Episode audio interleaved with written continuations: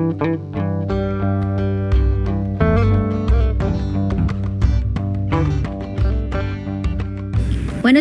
Jeronimo Durul Son of Jogja. Assalamualaikum warahmatullahi wabarakatuh Kacamata Jogja. Selamat sore semuanya. Hai halo Kacamata Jogja. Kita ketemu lagi di sesi Soma Sana Sini Soal Agama. Setelah minggu lalu I libur Gak dateng Kenapa minggu lalu lupa eh?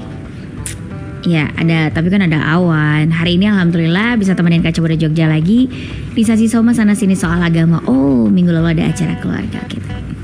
Ngomong dia jawab dia orang apa Hari ini kan Ciburu Jogja kita punya tamu dan kita mau ngebahas soal temanya adalah antara kapasitas, integritas dan isi tas dalam tinjauan Islam. Apa ya ini serba tas-tas ini ya Antara kapasitas, integritas, dan isi tas dalam tinjauan Islam Dan barengan sama Pak Ustadz dan kita juga punya tamu Ini adalah uh, beliau adalah Bapak Herman Dodi MNLP CHT. Bener nggak pak? Iya. Atau pakai bahasa Inggris CHT.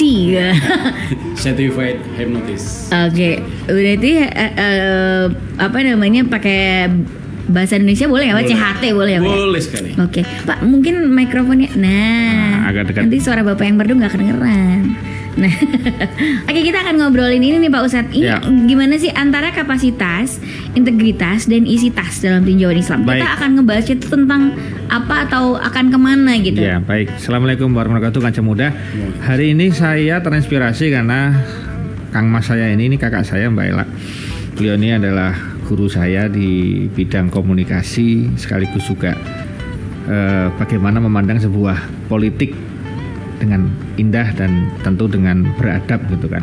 Makanya ketika beliau posting statusnya waktu mendampingi salah satu calon kandidat tidak jadi karena memang ada perselingkuhan tertentu oleh ekonom tertentu sehingga beliau mendampingi orang yang soleh luar biasa kemudian tidak mendapatkan SK atau rekomendasi dari salah satu partai atau dikasih rekomendasi tapi kemudian ditubuh kemudian rekomendasinya atau nanti kita tanya lah.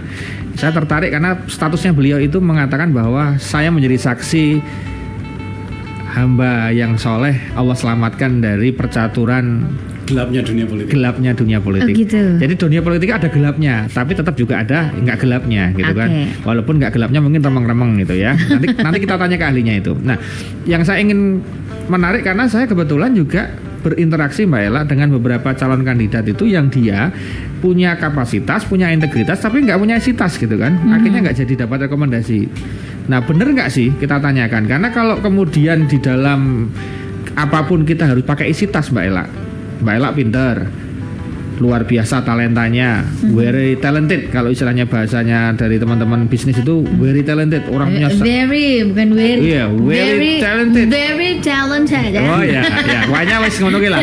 Uangnya pinter banget, luar biasa. Istilahnya itu excellent. Iya. Orangnya pokoknya top of the top, core Iya. of the core. Oh iya. Tapi ternyata nggak punya jaringan. Jaringannya nggak ada karena nggak punya duit untuk membeli jaringan. Oke. Akhirnya Mbak Ella nggak punya karir, nggak bisa jadi ini, nggak bisa jadi itu karena syaratnya ternyata adalah uang dan uang, isi tas.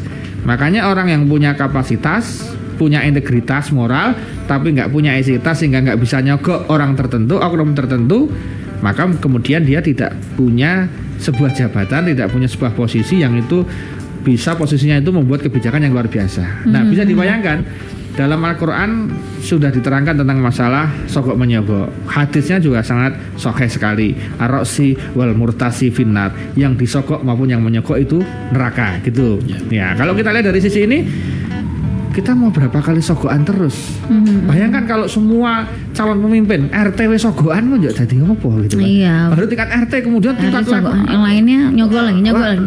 nah, itu kerjanya balikin modal mulu gitu. ya lah, gitu kan ya. itu kan luar biasa maka kemarin saya juga pas Mas Dodi ini bikin status itu pas salah satu bupati di Jawa Timur itu memberi kesaksian di salah satu acara Muhammadiyah Mas Dodi ya. Dia mengatakan gimana saya sebagai kepala daerah dengan gaji sekian juta harus setor sekian juta untuk dapat rekomendasi? Semua tercengang viral gitu kan. Karena memang dibuktikan secara OTT kan ya susah tapi bahwa dia melak- eh, men- menyatakan itu kan berarti itu bukan fitnah bukan hoax karena dia mungkin sebagai pelaku nah di Sasi Soma ini hari ini dan dilakukan banyak ini ya kita akan membongkar sebetulnya. Kita pengen Kita tahu live di mana sih nih? Vertizon. Vertizon TV Vertizon live, TV, kemudian Facebooknya Jiro, Facebook, saya. Facebook Jeronimo Ya, live, ya. di Facebooknya Ustadz Munif Tauhid live, di Yang radionya live. Live juga. Nah, kita tanya ini, bener nggak sih? Mas Haji ini sudah haji loh ya? Oh iya, Mas iya, Haji Mas Dodi Haji. ini sudah Mas haji. Haji. Nanti Lengkap banget loh ini. Lah ya. Lah saya Uh, ngerti loh, Mik. Mas Haji Herman Dodi MNLP Iya. CHT. Dan- Pak nggak ada lagi Nah, ini, SEK ini, apa ini, gitu? ini, Mbak, susahnya, panjang. su- susahnya ini gini. Kalau susahnya sama beliau cuma satu, karena kalau dia ngomong politik, dia dulu mantan anggota dewan dua periode, jadi dia, Iya. jadi dia orang politik, Bener. konsultan Pelaku, politik, pelaku. jadi Pelaku. konsultan dan pelaku gitu loh. Iya, iya. Istilahnya dalam bahasa sepak bola coach. Jadi yang kita ajakin ngobrol sekarang ini gak main-main nih kaca muda Gak main-main lah Karena udah pernah jadi anggota legislatif selama dua periode Tahun 99 sampai 2004 sama 2004 sampai 2009 gitu. Ada dapet pak Iya. Terus eh, belajar main teknologi tahun 2008 jadi master eh, MNLP tadi. Terus juga eh, sebagai konsultan politik dan komunikasi dan dan apalagi bukan bukan cuman pelaku tapi beliau dekat sekali karena pernah jadi asisten staf khusus presiden. Masih nggak Pak?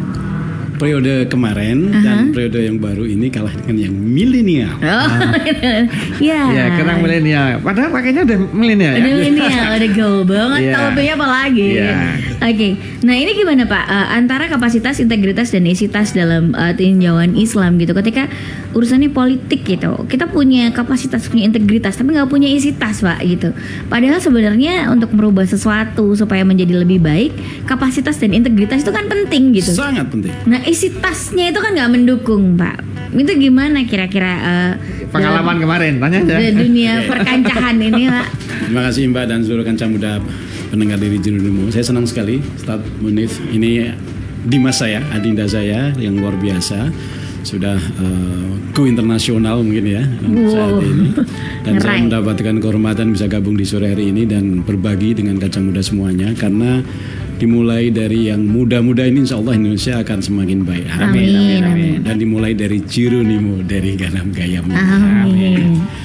Eh, kondisi politik saat ini menurut saya sangat memprihatinkan, Stan. sangat memprihatinkan.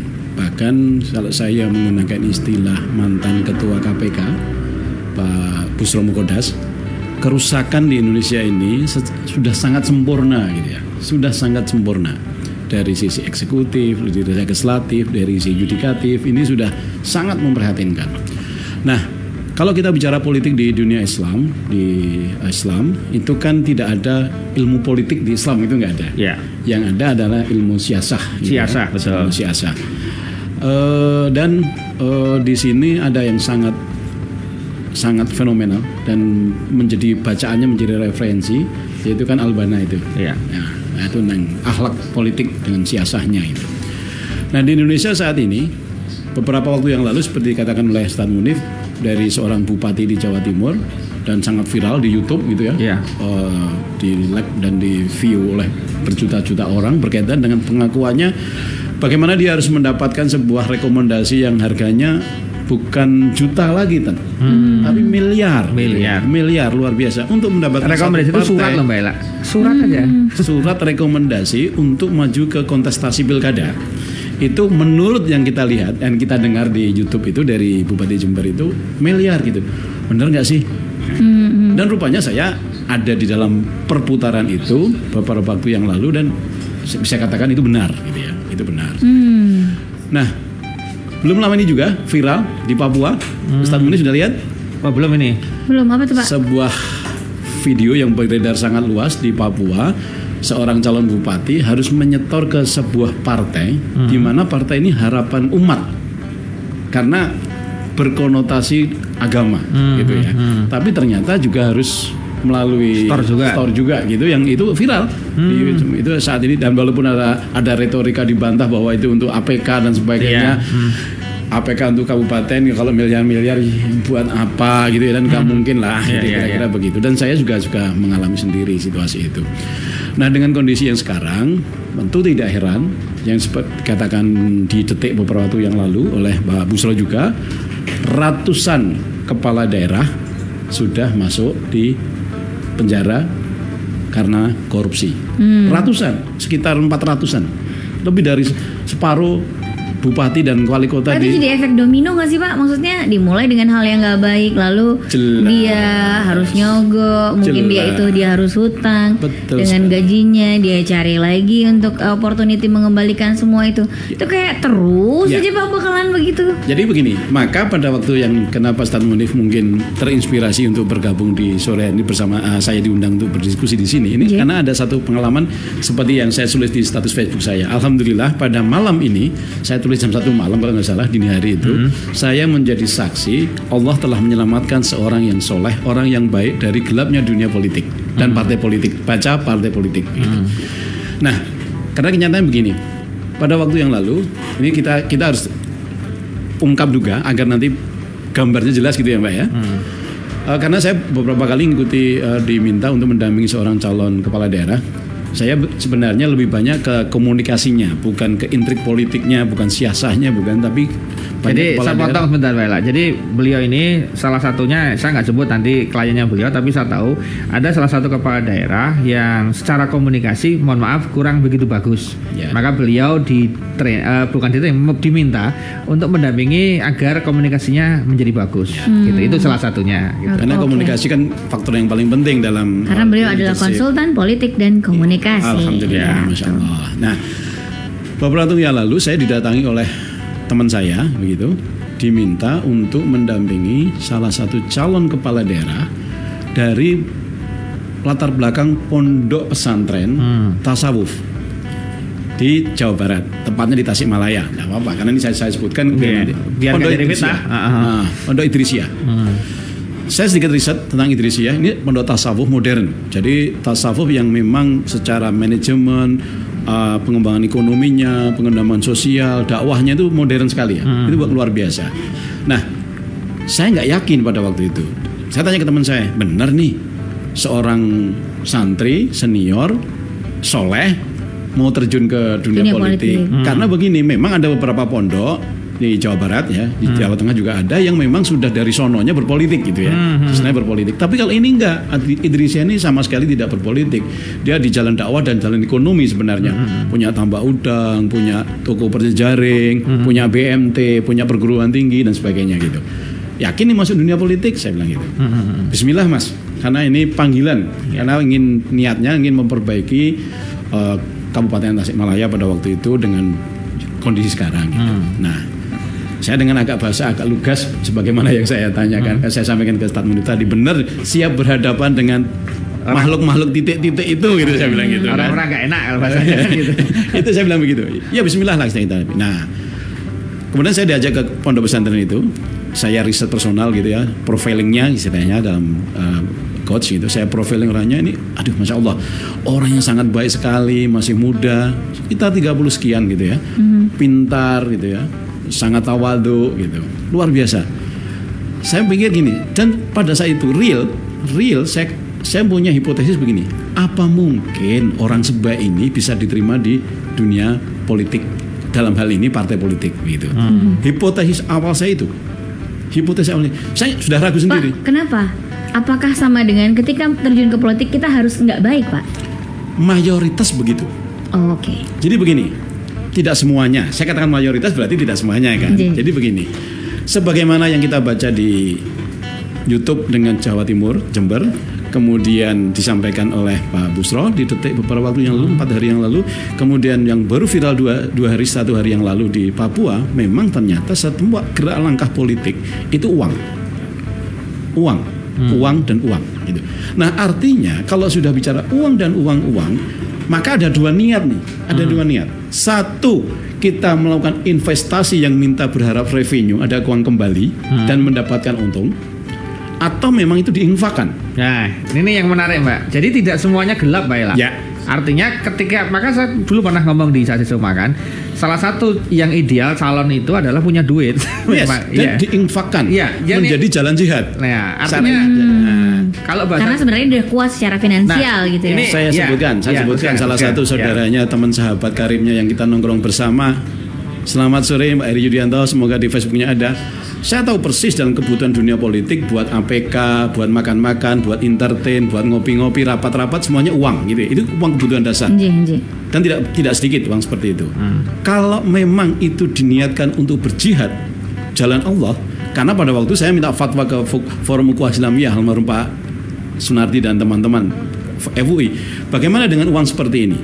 Beliau menjawab begini, fatwanya begini.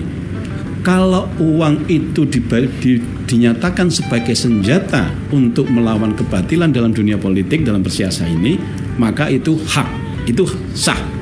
Oke. Tetapi kalau uang itu adalah bagian investasi politik yang nantinya harus kembali bahkan mendapatkan untung Nah, itu jadi atau uangnya dari uangnya hutang kemudian nanti harus mengembalikan, harus bersusah payah mengembalikan, maka itu haram hukumnya. Ya, Berarti back to ya, niat. eh, Back ya. to niat. Sekarang saya nambahi, ini biar mumpung karena beliau bicara dalil nih. Jadi dalilnya masuk Mbak Ella.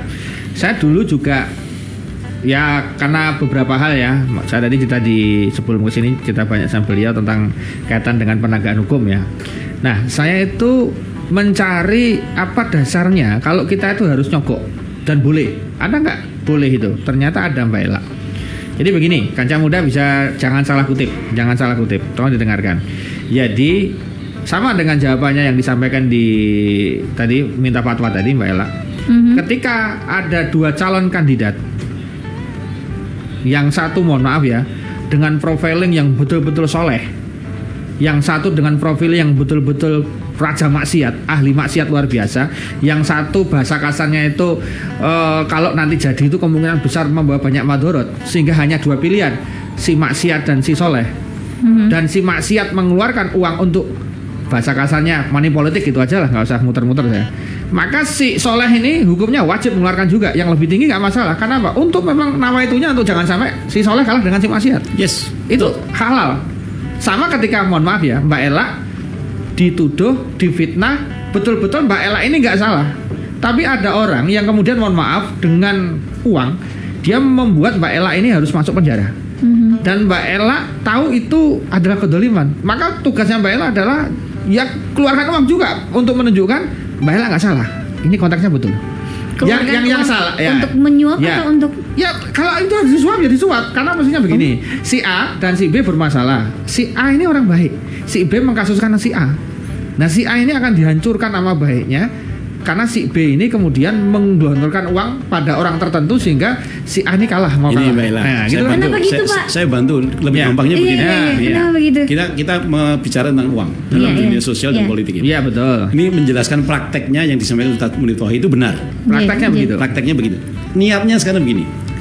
Untuk membayar kebenaran, nah kebenaran maksud saya Iya. membayar kebenaran atau mendapatkan mengeluarkan uang untuk mendapatkan hasil dari apa yang dia bayarkan.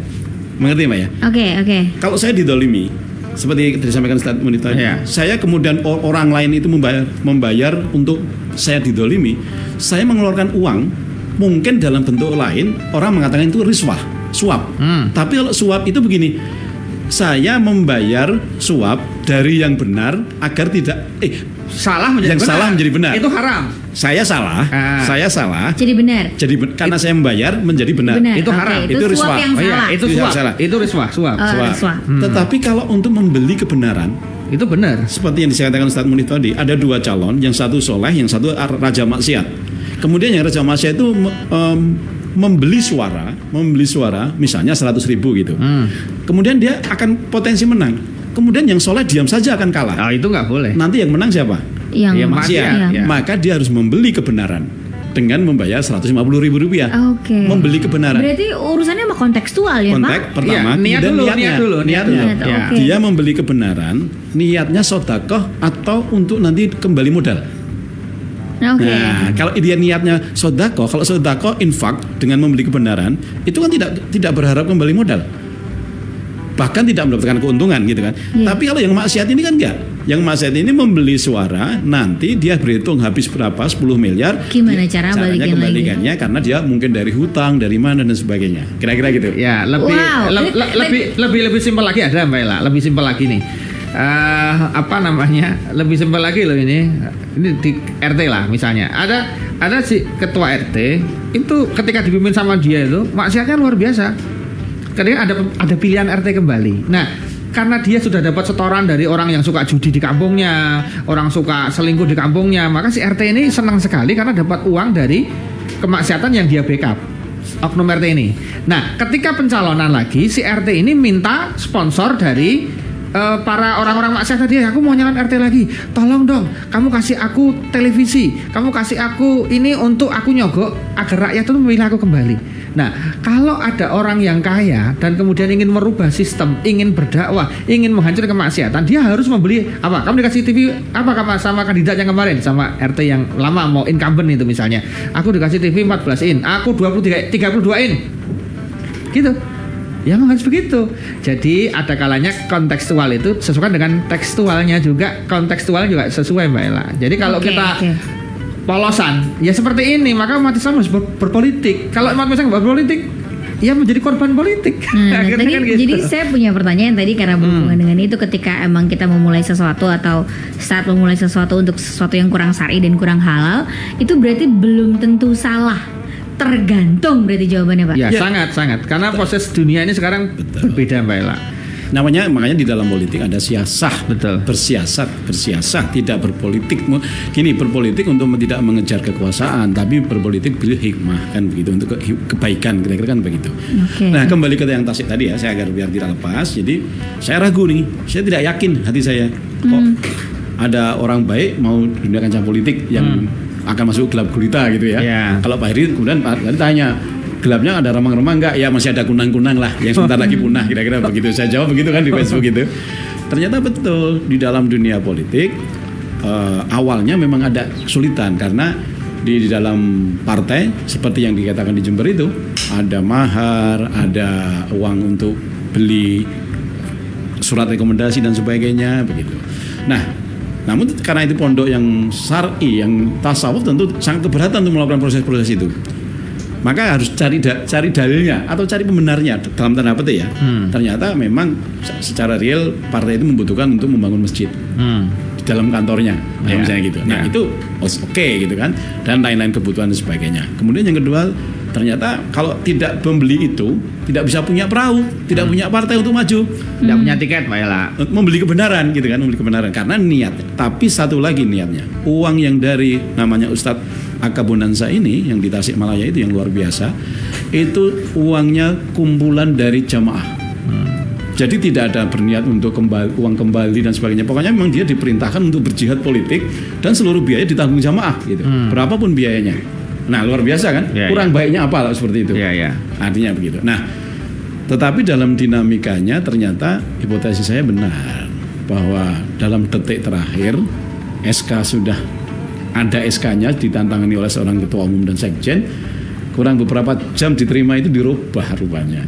Nah, dan itu terjadi rumornya rumornya macam-macam. Ada yang karena transaksi politik antar daerah ada transaksi politik karena uang dan sebagainya.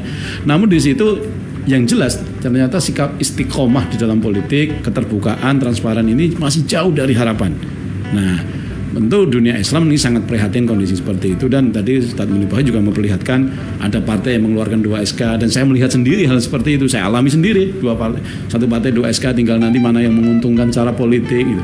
jadi tidak lagi bicara kapasitas dan integritas tapi betul-betul bicara Isi tas. isi tas dan kepentingan kira-kira begitu Oh gitu, oke, iya iya iya. iya. Berarti berarti kita harus jadi orang kaya untuk selalu bisa menegakkan kebenaran dong? Yes, Ustaz? ya yes, sih? yes, yes. atau berjamaah Ya. membuat, Oh, membuat seperti yang Konsorsium. disampaikan Hmm. Tasikmalaya tadi Ustadz Aka tidak orang bukan orang yang berada tetapi secara jamaah memerasi kebutuhan untuk memperbaiki situasi politik di Dia kabupaten punya itu kapasitas, dia punya integritas, Kalau- yang nggak kalau punya isi isi- tas. ya. isi tasnya Kalau- didukung jamaah jamaah. Ya. Ka- Kalau kalau yang paling lebih simpel sekali adalah eh, misalnya nih ke calon pemimpin tertentu Mbak Ella. Ya, bahasa kasarnya saya untuk menang agar membuat kebijakan yang syar'i, yang sesuai Islam, yang baik, yang yang betul-betul tidak melanggar aturan agama misalnya. Islam itu kan sebetulnya sudah rahmatan alamin Mbak Ella. Maka sponsorship yang aman agar besok dia juga istiqomah. Sponsorshipnya uang-uang yang masuk dari perusahaan-perusahaan halalan toyibah juga. Pengusaha-pengusaha halalan toyibah. Kalau pengusahanya pengusaha kelas yang di situ adalah bisnis asek-asek misalnya. Ya nantinya dia izin acak-acak juga Oh, harus harus cair dong. Isi tasnya juga tetap harus dikurasi ya. Iya. Gitu. Oke oke oke. Nah ini kan Ya ya ya ya. kapan selesainya gitu. Ya, kita rehat dulu Pak Ustadz Ya, oke, Seru oke. loh ini nanti Oke Nanti kita eh, rehat dulu kan coba Jogja Karena kita eh, masih di Sesi Soma Sana sini soal agama Kita rehat dulu Nanti ngobrol dulu Kalau mau lanjut kita bisa Masih tetap eh, on air di Ya. eh, YouTube-nya Vertizon TV Dan, Dan- juga di YouTube eh, Bukan di Facebooknya Jeronimo FM Sama Facebooknya Ustadz Munif Tauhid Betul Mas Dudi ya. Jadi idealitanya itu seorang apa ya? Boleh dikatakan calon itu kan semuanya punya idealitanya. Tapi ternyata yang masih ada salah satu yang nggak punya. Orang yang punya isi tas kadang nggak berkapasitas, nggak berintegritas. Tapi ada orang yang punya kapasitas, integritas tapi nggak punya isi tas. Nah, nah, maka idealnya kalau mau nyalonkan apa pun itu, itu harus punya itu. Satu-satunya yang boleh boleh tidak punya isi tas itu cuma satu Mbak Ila, kandidat manten itu boleh nggak punya isi tas. Oh gitu Tapi kapasitas integritas harus punya. Banyak itu yang sudah apa menerima calonnya tanpa isi tas itu ada banyak gitu kan. Jangan bilang kamu ya gitu. Jadi banyak lah. Tapi kalau integritas sama kapasitas itu harus punya. Nah, cuma kalau non dari apa namanya pernikahan itu tadi beda Mbak Ella. Nah, itu pastilah ya kandidat-kandidat itu dia mesti minta apa ya? Diminta untuk itu. Karena kalau kita nggak mengubah sejak sekarang, ya kapan lagi gitu kan. Makanya sebetulnya calon-calon milenial itu menguntungkan Mbak Ella. Itu Hmm. Mas Adi ya. Betul. Dan sekarang youtuber dengan gaji miliaran, nah, dia bisa beli kok. Tak beli harganya berapa? Partai lu. Mau, Hmm. mau beli SK aku dari kamu ini. Wow, kasarnya begitu loh. Ya nggak apa-apa. Itu caranya begitu Mbak Ella. Karena Tapi kalau memang harus diniati. Iya, niatnya niat beda. Mbak. Niatnya Dan satu punya kapasitas. Jangan sampai orang yang tidak Watan punya duit duit. kapasitas. Duit gitu ya. itu kan karena kita akan merubah sistem sosial, sistem Betul, politik, betul. pemerintahan itu ya. Betul. Maka kalau memang orang berniat masuk di situ, saya tidak menolak beberapa tokoh-tokoh youtuber atau artis atau tokoh mas uh, public figure gitu ya yang akan masuk ke dunia politik. Tapi jangan hanya menjadi lip kembang-kembang aja. Betul-betul orang yang memang sudah disiapkan untuk masuk ke Memimpin, dunia ya. itu. Oh. Betul. Karena itu memang dunia yang sangat berbeda dengan dunia Keartisan, artisan, misalnya begitu. Misalnya tentang bagaimana membuat undang-undang, bagaimana membuat kebijakan masyarakat, kebijakan Yang dipikirkan publik. tidak hanya skup kecil ya Pak, skup Betul, yang cukup betul. besar sekali gitu. Betul. Jadi eh, semakin banyak orang yang akan masuk dunia politik akan semakin baik. Tentu dengan saringan yang akan semakin luas gitu ya.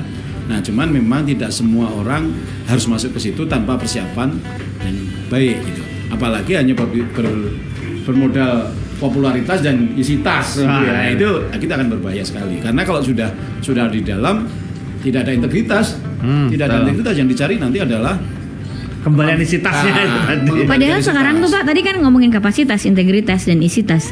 Sekarang itu lebih diutaman itu tadi Pak popularitas gitu. Kadang-kadang eh, eh, dia punya isi tas tapi nggak punya integritas dan nggak punya kapasitas, tapi popularitasnya kuat sekali Yes. gitu. Nah, itu yang sangat menjadikan, sangat Hmm. menjadikan.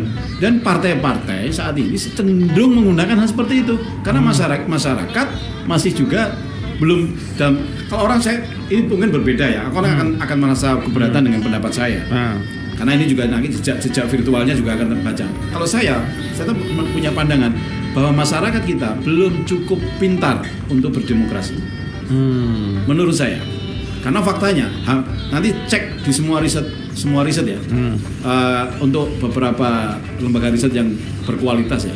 Saat ini kalau Mas eh, Ustadz Munif Tauhid Mbak Ella Iya Pak. hasil riset sekarang kira-kira untuk di Jogja aja lah yang mereka memilih karena dibeli itu kira-kira berapa persen? Menurut Ustadz Munif Tauhid.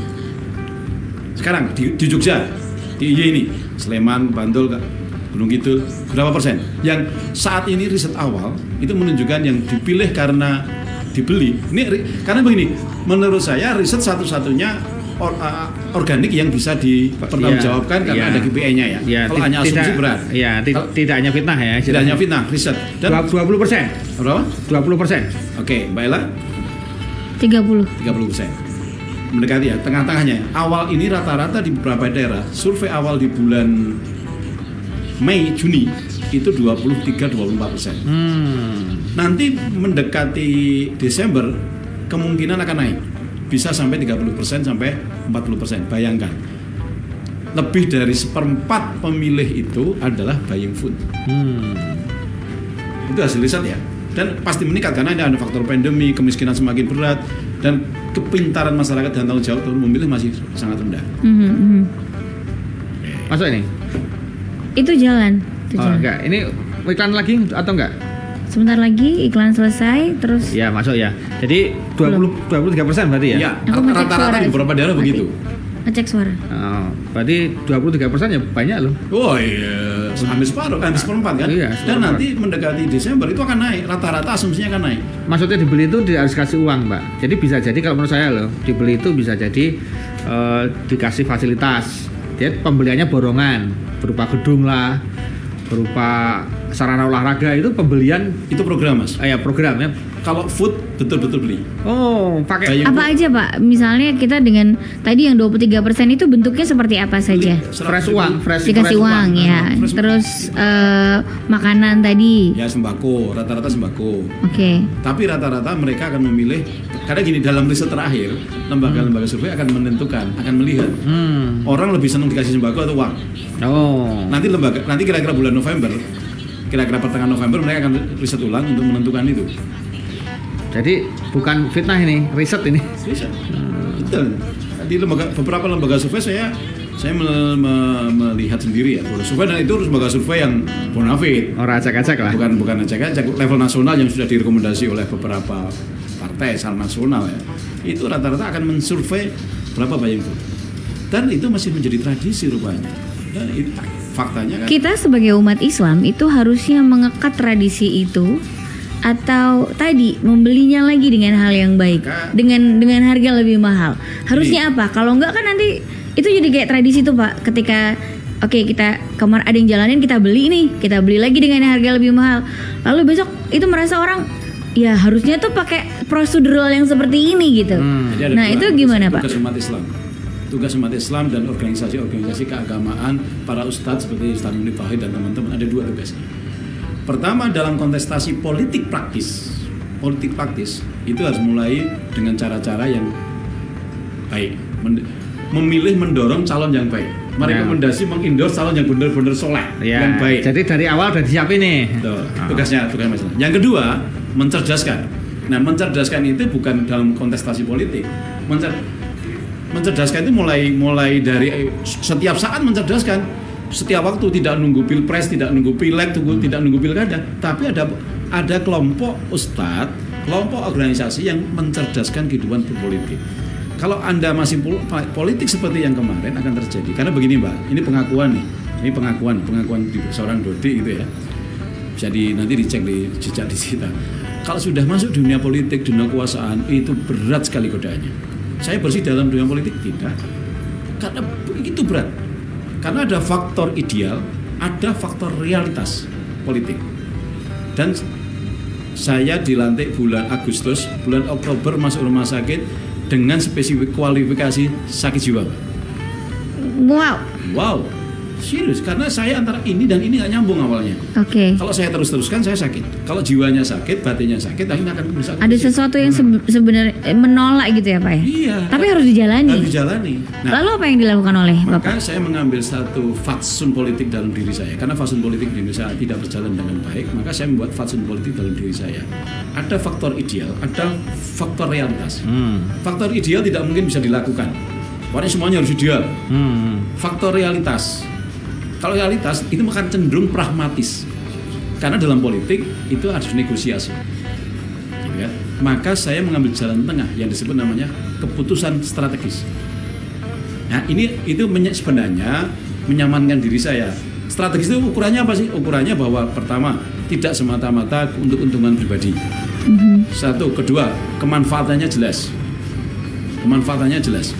Kemudian apa namanya eh, tidak melanggar syar'i dan ada kalaupun ada pembe- ada pembenar dari syar'i yang lain, misalnya gitu. Ada ada pertimbangan apa si, eh, siasahnya itu ada. Nah, di tengah-tengah itu saya mengambil mengambil langkah. Kalau tidak berat, nah Jadi back to niat, dibenerin term and conditionnya gitu. betul, betul sekali. Nah, tapi kalau betul-betul ideal, kita akan tabrakan terus Hmm. tabrakan terus. Nanti akan saya contohkan. Nah, Di Indonesia rupanya jauh masih dari kondisi seperti itu, masih jauh dari kondisi seperti itu. Orang akan bicara kekuasaan, orang akan bicara menang dan kekuasaan. Dan mayoritas sekarang yang kita lihat faktanya lebih dari separuh kepala daerah sudah masuk penjara dan sebentar lagi beberapa kepala daerah akan menyusul masih Waduh. dikejar-kejar kejaksaan dan pengadilan dan KPK faktanya kan begitu Iya. nah karena apa hutang karena apa mengambil keuntungan. Kita balik lagi ke tema kita di sesi Soma Sana Sini soal agama sore hari ini antara kapasitas, integritas, isitas dalam tinjauan Islam. Pak Ustadz, Ya. tadi kan eh, Pak Dodi itu bilangnya eh, siasah, siasah, siasah. Hmm, Apa itu siasah? Siasah itu strategi mbak. Kalau bahasa Indonesianya strategi. Jadi misalnya begini, eh, Rasulullah itu ketika mau perang, beliau selalu kadang-kadang meminta pendapat dari para sahabat. Ini mau pakai siasah apa ini? Strateginya apa? Maka muncullah Salman Al Farisi dengan perang hondaknya, dengan model paritnya. Ada kemudian siasahnya dengan eh, apa namanya? eh, ada siasanya juga dengan anu apa namanya dengan itu eh, pasukan di atas menjebak gitu kan itu siasah agar menang Uhud. Ja- ya per- perang Uhud jadi siasah itu artinya strategi untuk menang nah Mhm. contoh yang paling sederhana adalah kalau untuk menguasai karena kekuasaan itu memang apa ya gurih ya ajaib ya Kena- Kenapa orang berlomba-lomba ke sana? Itu karena dengan kekuasaan dia bisa melakukan banyak hal. Mhm. Nah, itulah itu kenapa orang mencari ke sana. Hanya saja ketika apa ya eh, orang yang tadi dikatakan Mas Dodi tadi adalah orang yang disiapkan bukan orang yang soleh, maka bisa jadi orang-orang yang tidak soleh itu memberikan uangnya kepada orang ini Mhm. karena tahu dia nggak soleh. Tapi orang soleh, insya Allah yang ngasih uang juga orang soleh. Bahkan mereka sebetulnya juga nyogok juga, tapi nyogok positif kan? Ya udah, maju aja, Pak, maju aja, Ustadz, maju aja, Mas. Nanti ke- kami di belakang. Butuhnya apa? Saya butuh untuk kaos berapa ribu? Saya kaosnya. Nanti apa? Saya itunya, saya ininya. Dia dia cupong kalau bahasanya Mas Dodi itu cukong-cukongnya. Nah, masalahnya adalah Mbak Ella, cukong-cukongnya itu di belakangnya siapa? Kalau siapa-siapanya orang baik, karena memang dia punya strategi, memang harus pakai strategi Mbak. Siasah itu harus pakai itu. Nah, Mhm. nah sekarang kalau kita lihat dari perkembangan, kita nggak perlu alergi politik kemudian uh, politik batu rusak kabeh ya nggak begitu Mbak Ella. Mhm. Karena kalau kemudian rusak semua orang-orang soleh akhirnya minggir semua, akhirnya apa yang terjadi? Peraturan-peraturan yang dibuat undang-undang yang dibuat itu menyengsarakan umat bisa jadi umat itu hilang. Hmm. Mohon maaf ya, hilang itu tanda petik ya, hilang perannya. Dia nggak bisa apa-apa loh. Kalau ada undang-undang kan sudah selesai, Mbak. Itulah hebatnya negara. Leta semoy, kalau bahasanya dulu saya belajar ilmu tata negara, leta semoy, negara itu ya saya. Saya itu siapa? Ya orang nomor satunya, terserah di mana saja. Hmm. Nah orang nomor satu itu ber- berpotensi di mana saja levelnya ya, tidak hanya level yang paling pusat atau negara, tapi level sampai ke RT itu orang nomor satunya itu berpengaruh. Mhm. RT bikin aturan misalnya di Samara lah. Pokoknya kalau adan, saya nggak- mau tahu. Begitu waktu sholat tutup gerbangnya. Mhm. Mau dari dalam mau dari luar tunggu sampai selesai sholatnya. Saya RT mbak, Saya top di situ. Alhamdulillah sampai sekarang dipakai peraturannya. Untungnya RT selanjutnya nggak bermasalah. Coba RT selanjutnya RT nggak nggak benar misalnya, kita cabut peraturannya. kan bisa jadi kan? Bisa. Nah itu Karena baru tergantung Loh, siapa pemimpinnya, Pak Iya, terus di situ saya juga pokoknya orang yang bukan suami istri nggak boleh tinggal di situ, kecuali dia murni single. Nah, sehingga di Samara itu ketika saya jadi RT itu dua orang selingkuh itu semuanya pergi. Hmm. Ya tapi saya berdarah-darah bagaimana berhadapan dengan mereka. Ya itulah pemimpin gitu kan. Nah kalau pemimpin tingkat top bupati, wali kota, the gubernur sampai dengan presiden gitu kan, itu kan yang diurusi kan lebih ngeri kan, Mbak Ella. Iya. Nah di situlah kita Mbak Ella, makanya yang dimaksud Mas Dodi gelap tadi itu bukan bermaksud kemudian terus nggak usah masuk ke sana ya terus nanti dimasuk orang gelap semua orang baiknya nggak ada Iya, Nah, kan iya, iya. repot kita karena mohon maaf ya sampai detik ini yang bisa menjadi kepala daerah kepala-kepala semuanya level-level yang strategis itu itu harus dengan kapal. Dan kapal itu namanya partai. Ya memang begitu sekarang syaratnya kecuali besok ada syarat yang berubah. Independen. Eh, independen ini salah satunya cara yang mungkin bisa kita tanyakan ke beliau. Itu salah satu caranya juga. Walaupun independennya juga harus disiapkan sejak awal gitu kan.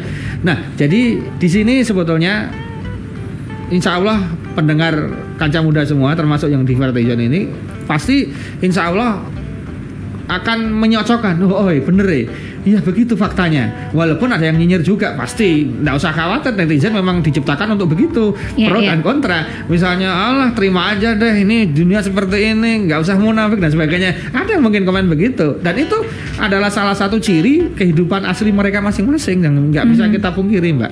Nah maka kembali ke tadi niat harus diperbaiki. Nah kalau kita bicara integritas, kapasitas, satu-satu sebelum ke Mas Dodi. Kapasitas Mbak Ella. Ya. Berarti siapa pun yang memimpin mau jadi pemimpin harus punya kapasitas. Artinya apa? Kalau Anda belum bisa nyupir mobil, mulai dulu dari nyupir sepeda, kemudian nyupir motor, baru belajar nyupir mobil. Mhm. Kemudian nanti naik naik naik naik. jangan sampai levelnya adalah penyupir motor harus menerbangkan pesawat terbang. Iya. Ya, pastilah kemudian Rimendi, kan di waton to- pejetnya di tombol-tombol ata- asal pejet, asal nggak karu-karuan, akhirnya yang dibawa rawan meninggalnya kan daripada Hmm. enggaknya, betul nggak? Hmm. Lebih baik dia kapasitasnya bisa nyupir apa pesawat tapi kemudian disuruh nyupir mobil daripada dia kapasitasnya. Hanya bisa naik sepeda atau sepeda motor tapi dipaksa naik helikopter. Betul nggak korbannya siapa? Penumpang. Penumpang Hmm. oke ya? Jadi kapasitas kapasitas penting itu untuk apa? Untuk menyelesaikan masalah-masalah umat. Kalau bahasanya di Indonesia masalah anak bangsa kan gitu. Dua apa tadi mbak? Integritas. Integritas. Orangnya pinter oke, tapi kalau nggak punya moral, disogok mau, sogok perempuan mau, sogok ada namanya seksual apa? Eh, sogokan seksual dikasih Gratifikasi. gratifikasi. Mohon maaf ya gratifikasi seksual gratifikasi ini dan itu. Nggak punya integritas sama sekali nggak punya moral.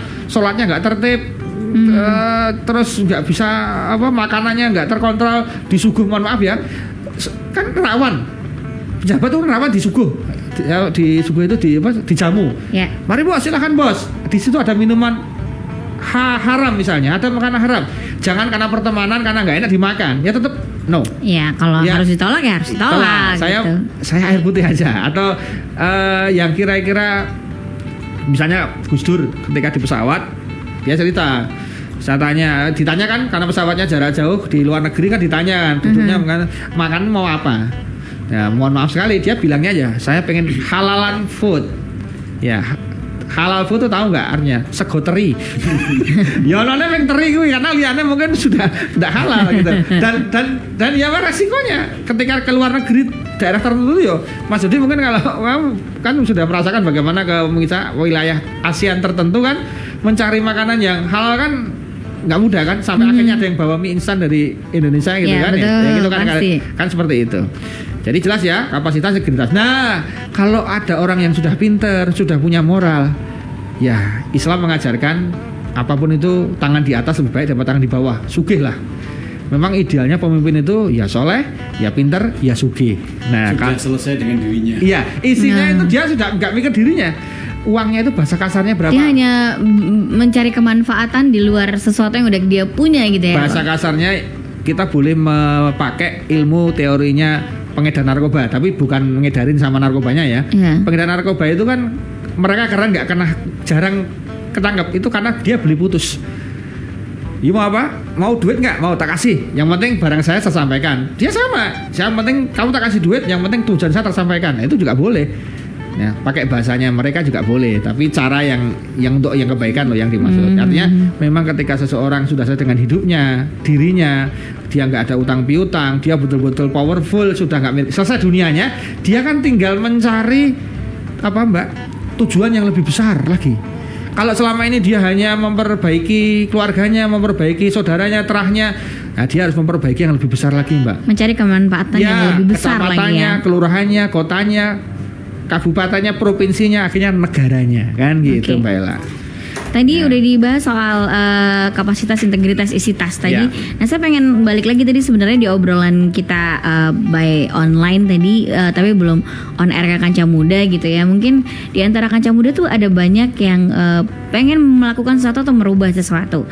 Cuman eh, jelas pasti selama bertahun-tahun kita mempelajari sesuatu yang melekat di cara kita berpikir di hati gitu pak.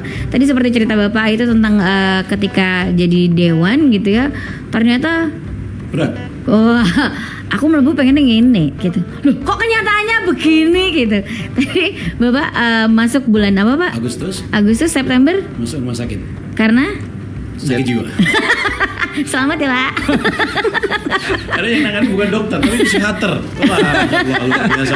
Nah itu akhirnya diagnosanya kenapa dan akhirnya bapak mencari tahu eh, soal eh, problem solving tentang dirimu sendiri itu apa pak gitu? Ya karena memang pada waktu itu saya latar belakangnya kan aktivis gerakan mahasiswa itu Anjay. semuanya idealis idealis idealis. Uh-huh, Ternyata di politik tidak ada yang namanya full idealis itu karena semuanya harus ada negosiasi. Mhm, Karena kompro- politik adalah kompromi kan begitu. Politik itu kompromi. Nah di situlah terjadi perang batin pada waktu itu harus kompromi banyak hal gitu ya. Mhm, Akhirnya saya menemukan titik antara idealis dan pragmatis, realistis itu ya, itu namanya strategis. Itulah yang disebut mungkin kalau bahasa sarinya siasah gitu. Mhm, Namun memang berat. Pak Dodi berarti kemarin waktu di waktu di dewan anu ya bersih enggak, enggak juga. mhm, Saya harus aku itu, tapi saya sadar bahwa ternyata beberapa waktu yang lalu yang saya lakukan itu sebuah keikhlafan yang sangat luar biasa besar dan masya Allah astagfirullahaladzim. Semoga Allah memberikan maaf kepada saya khususnya itu ya. Nah, tapi dengan melihat kenyataan seperti dulu dan sekarang, maka tugas Radio Jeronimo dengan sasi samanya Ustadz Munif Tauhid dengan teman-temannya sejaringan Ustadz gitu ya kemudian organisasi organisasi keagamaan Islam itulah mulai memikirkan bahwa politik itu menjadi penting untuk kemaslahatan Umat. Nah, caranya bagaimana? Mengedukasi publik dengan cara-cara se- seperti ini. Jadi pengajian-pengajian tidak hanya bicara tentang wudhu, tentang tidak bicara tentang fakih-fakih Saja, gitu. saja gitu ya. Hmm. Tapi betul-betul eh, ada ada pengajian yang memang mencerdaskan dunia politik. Faktanya karena kalau seperti sekarang ini ya misalnya kalau seorang kepala daerah yang memang berangkatnya itu hanya menjadi pion pertama atau dimodali oleh cukong, pasti cukongnya akan minta tagihan Mhm. gitu kan Ah, kalau di daerah Minta yang setoran ya. ah, kalau di daerah tambang pasti nanti izin-izin tambang nah itu akan merusak alam. Kalau di apa namanya di perkotaan izin-izin perizinan-perizinan yang lain ada hotel ada infrastruktur dan sebagainya. Nah ini akan dijual semuanya. Sekarang toko berjejaring yang banyak dikeluhkan banyak orang itu menjamur di mana-mana. Gitu. Nah, seperti itu karena ada nilainya. Bahkan saya ketemu di Jakarta pernah orang yang sekarang sudah taubat juga, Mas salah satu staf juga sekarang itu meninggalkan di salah satu direktur atau manajer di toko berjaring itu karena dia mengatakan begini, Mas, modalnya untuk mendirikan modal pokoknya masih lebih murah daripada harga, harga izinnya. Luar biasa kan? Hmm. Harga luar biasa toko berjaring itu lebih mahal izinnya daripada modal isi, untuk ngisi ngisi Tokonya. tokonya itu. Nah, maka sekarang menjamur. Nah, seperti itu. Karena apa? Tidak berintegritas. Karena apa? Uangnya harus kembali, maka banyak kepala daerah akibatnya seperti tadi ditangkap oleh penegak hukum, kejaksaan, kepolisian dan KPK karena awalnya sudah mahal biaya politiknya. Maka saran eh, maksud saya adalah mari kita bersama-sama mencerdaskan kehidupan berbangsa melalui agama kita di seperti di Sasi Soma ini itu terus bergulir di banyak daerah. Karena faktanya seperti di riset saya katakan sekarang ini 23 persen 25 persen buying food mundur lagi bisa sampai 30 persen kan ngeri sekali Buying food itu artinya yang dibeli Mbak Ella. Jadi eh, jadi kadang-kadang politisi itu nggak bisa disalahkan murni Mbak Ella. Contoh begini, lah gimana saya nggak cari duit dengan cara macam-macam lah. Sekarang rakyat juga pengen dapat uang fresh eh. ya Misalnya begitu. Jadi selama masyarakat juga. Jadi itu kan sama user sama produsen sama usernya kan nggak selalu nyambung kan Mbak Ella. Mhm. Mohon maaf ya, PSK itu nggak dipakai, nggak akan laku kalau nggak ada yang beli kan. Mhm. Masalahnya selama ada yang minta, ya ada yang buka aja, betul nggak? Maka ketika rakyat itu umat kalau bahasanya yang lain itu kemudian bisa cerdas, akhirnya beginilah. Wah sekarang ini ternyata susah ya. Misalnya ini kita mau cari polas apa pun kalau rakyat sudah punya garis lurus, punya visi misi, pilihannya harus begini, kita nggak ikut mereka, kita nggak akan kepilih deh. Wah itu keren itu, Yes. betul nggak? Misalnya, wah, jadi rakyat itu semacam punya screening. Kalau nggak seperti ini kamu nggak bakalan kami pilih. Wah itu keren. Hmm. Jadi otomatis seleksinya bukan lagi seleksi mohon maaf, seleksi dari sistem yang pengen duit, tapi seleksi langsung dari user rakyat, Hmm. anak bangsa ini. Sehingga para pemimpin akhirnya menyesuaikan Bukan kita yang dikendalikan, tapi kita yang mengendalikan. betul ya Karena knowledge ya. Iya betul. Misalnya begini. Tadi ya, eh, kenapa sih harus ada sogok sogokan juga dari pihak lawan? Misalnya dari raja maksiat dengan yang soleh, yang soleh juga harus menyogok memberikan sogokan juga itu. Itu karena memang kondisi votersnya, pemilihnya, warganya masih demikian. Coba warganya kemudian punya value dan kemudian dia betul-betul dikasih uang pun dia nggak milih. Wah itu keren. Akhirnya orang nggak mau nyogok kok, nggak berani. Akhirnya yang diperbaiki bukan uang banyaknya uang, tapi kualitas pribadinya, janji-janji kampanyenya direalisasikan dan sebagainya. Akhirnya saya belajar dari walaupun beberapa orang mengatakan Amerika itu gagal dalam demokrasi, menurut saya di Amerika itu pencocokan janji-janjinya presiden dengan dengan rakyat itu sangat anu ya ketat sekali ya antara Demokrat dengan apa Republik itu ya.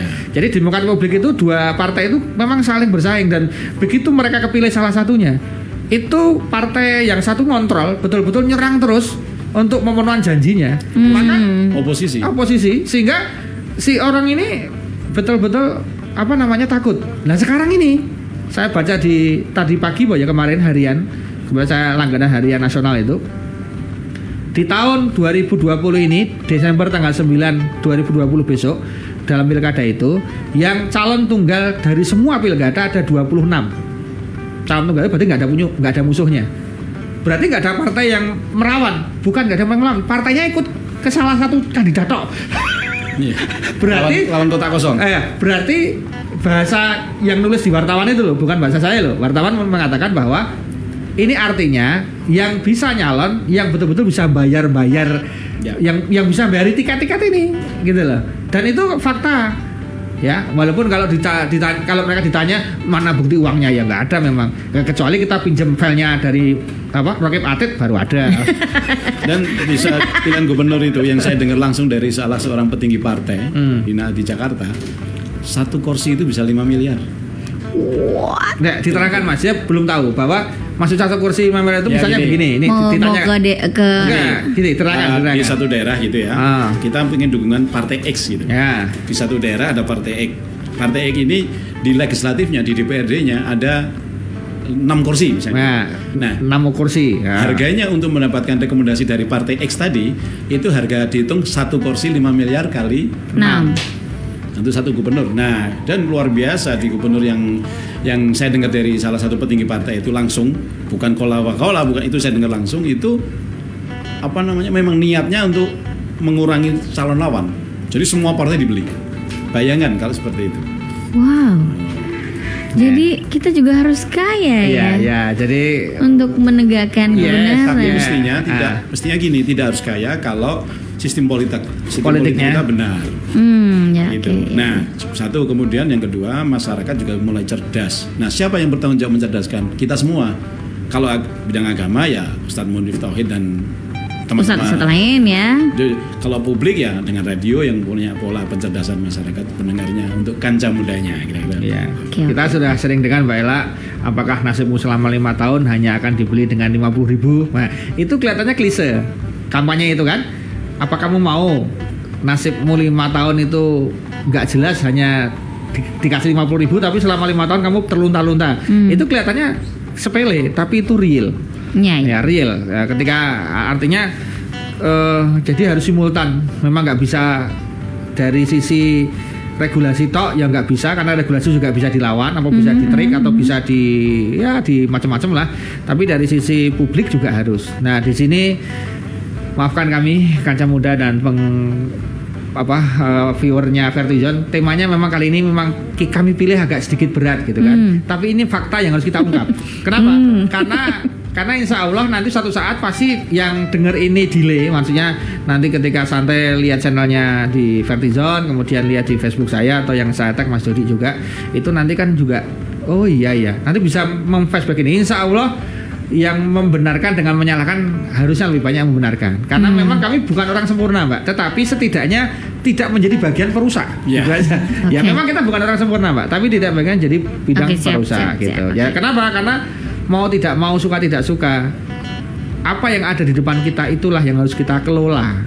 Ya karena kalau kita ngimpi dengan idealita tanpa kita tahu realita ya nggak nggak nggak kena kena kan? Maka siapa tahu dengan sisi ini orang masyarakat terbuka kemudian oh iya ya oh iya ya nah ketika oh iya nya ini banyak sekali masyarakat kemudian berbondong-bondong. Yang terjadi adalah besok-besok insya Allah mudah-mudahan kita doakan nih calon kepala daerah mana pun baik itu bupati wali kota gubernur sampai dengan level presiden nanti mudah-mudahan betul-betul pilihan yang apa namanya Baik, terbaik ya terbaik, baik ya, ya, oke. yang punya integritas kapasitas dan tentunya isitas juga dan isitas ini dari yang halal-halal juga sehingga Oke. nanti menghasilkan tadi keputusan-keputusan Ya, yang halal dan yang- baik juga ya, buat orang banyak. betul. Oke.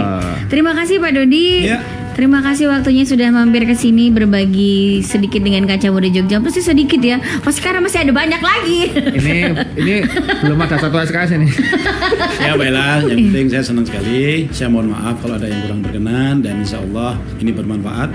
Salah satu niat saya adalah mencerdaskan dan meluruskan hal-hal yang sekarang ini sedang terjadi. Amin amin. Mudah-mudahan bermanfaat buat kaca muda semuanya. Terima kasih Pak Dodi, terima kasih Pak Ustadz. Ella pamitan, terima kasih mudah-mudahan banyak eh, kemanfaatan yang kita berikan sore hari ini kaca muda Jogja. Assalamualaikum warahmatullahi wabarakatuh. Terima kasih juga buat yang nonton di Vertizon TV dan udah nonton di Facebooknya Jeronimo FM dan juga Ustadz Bonit Tauhid. Lagi-lagi, Assalamualaikum warahmatullahi wabarakatuh.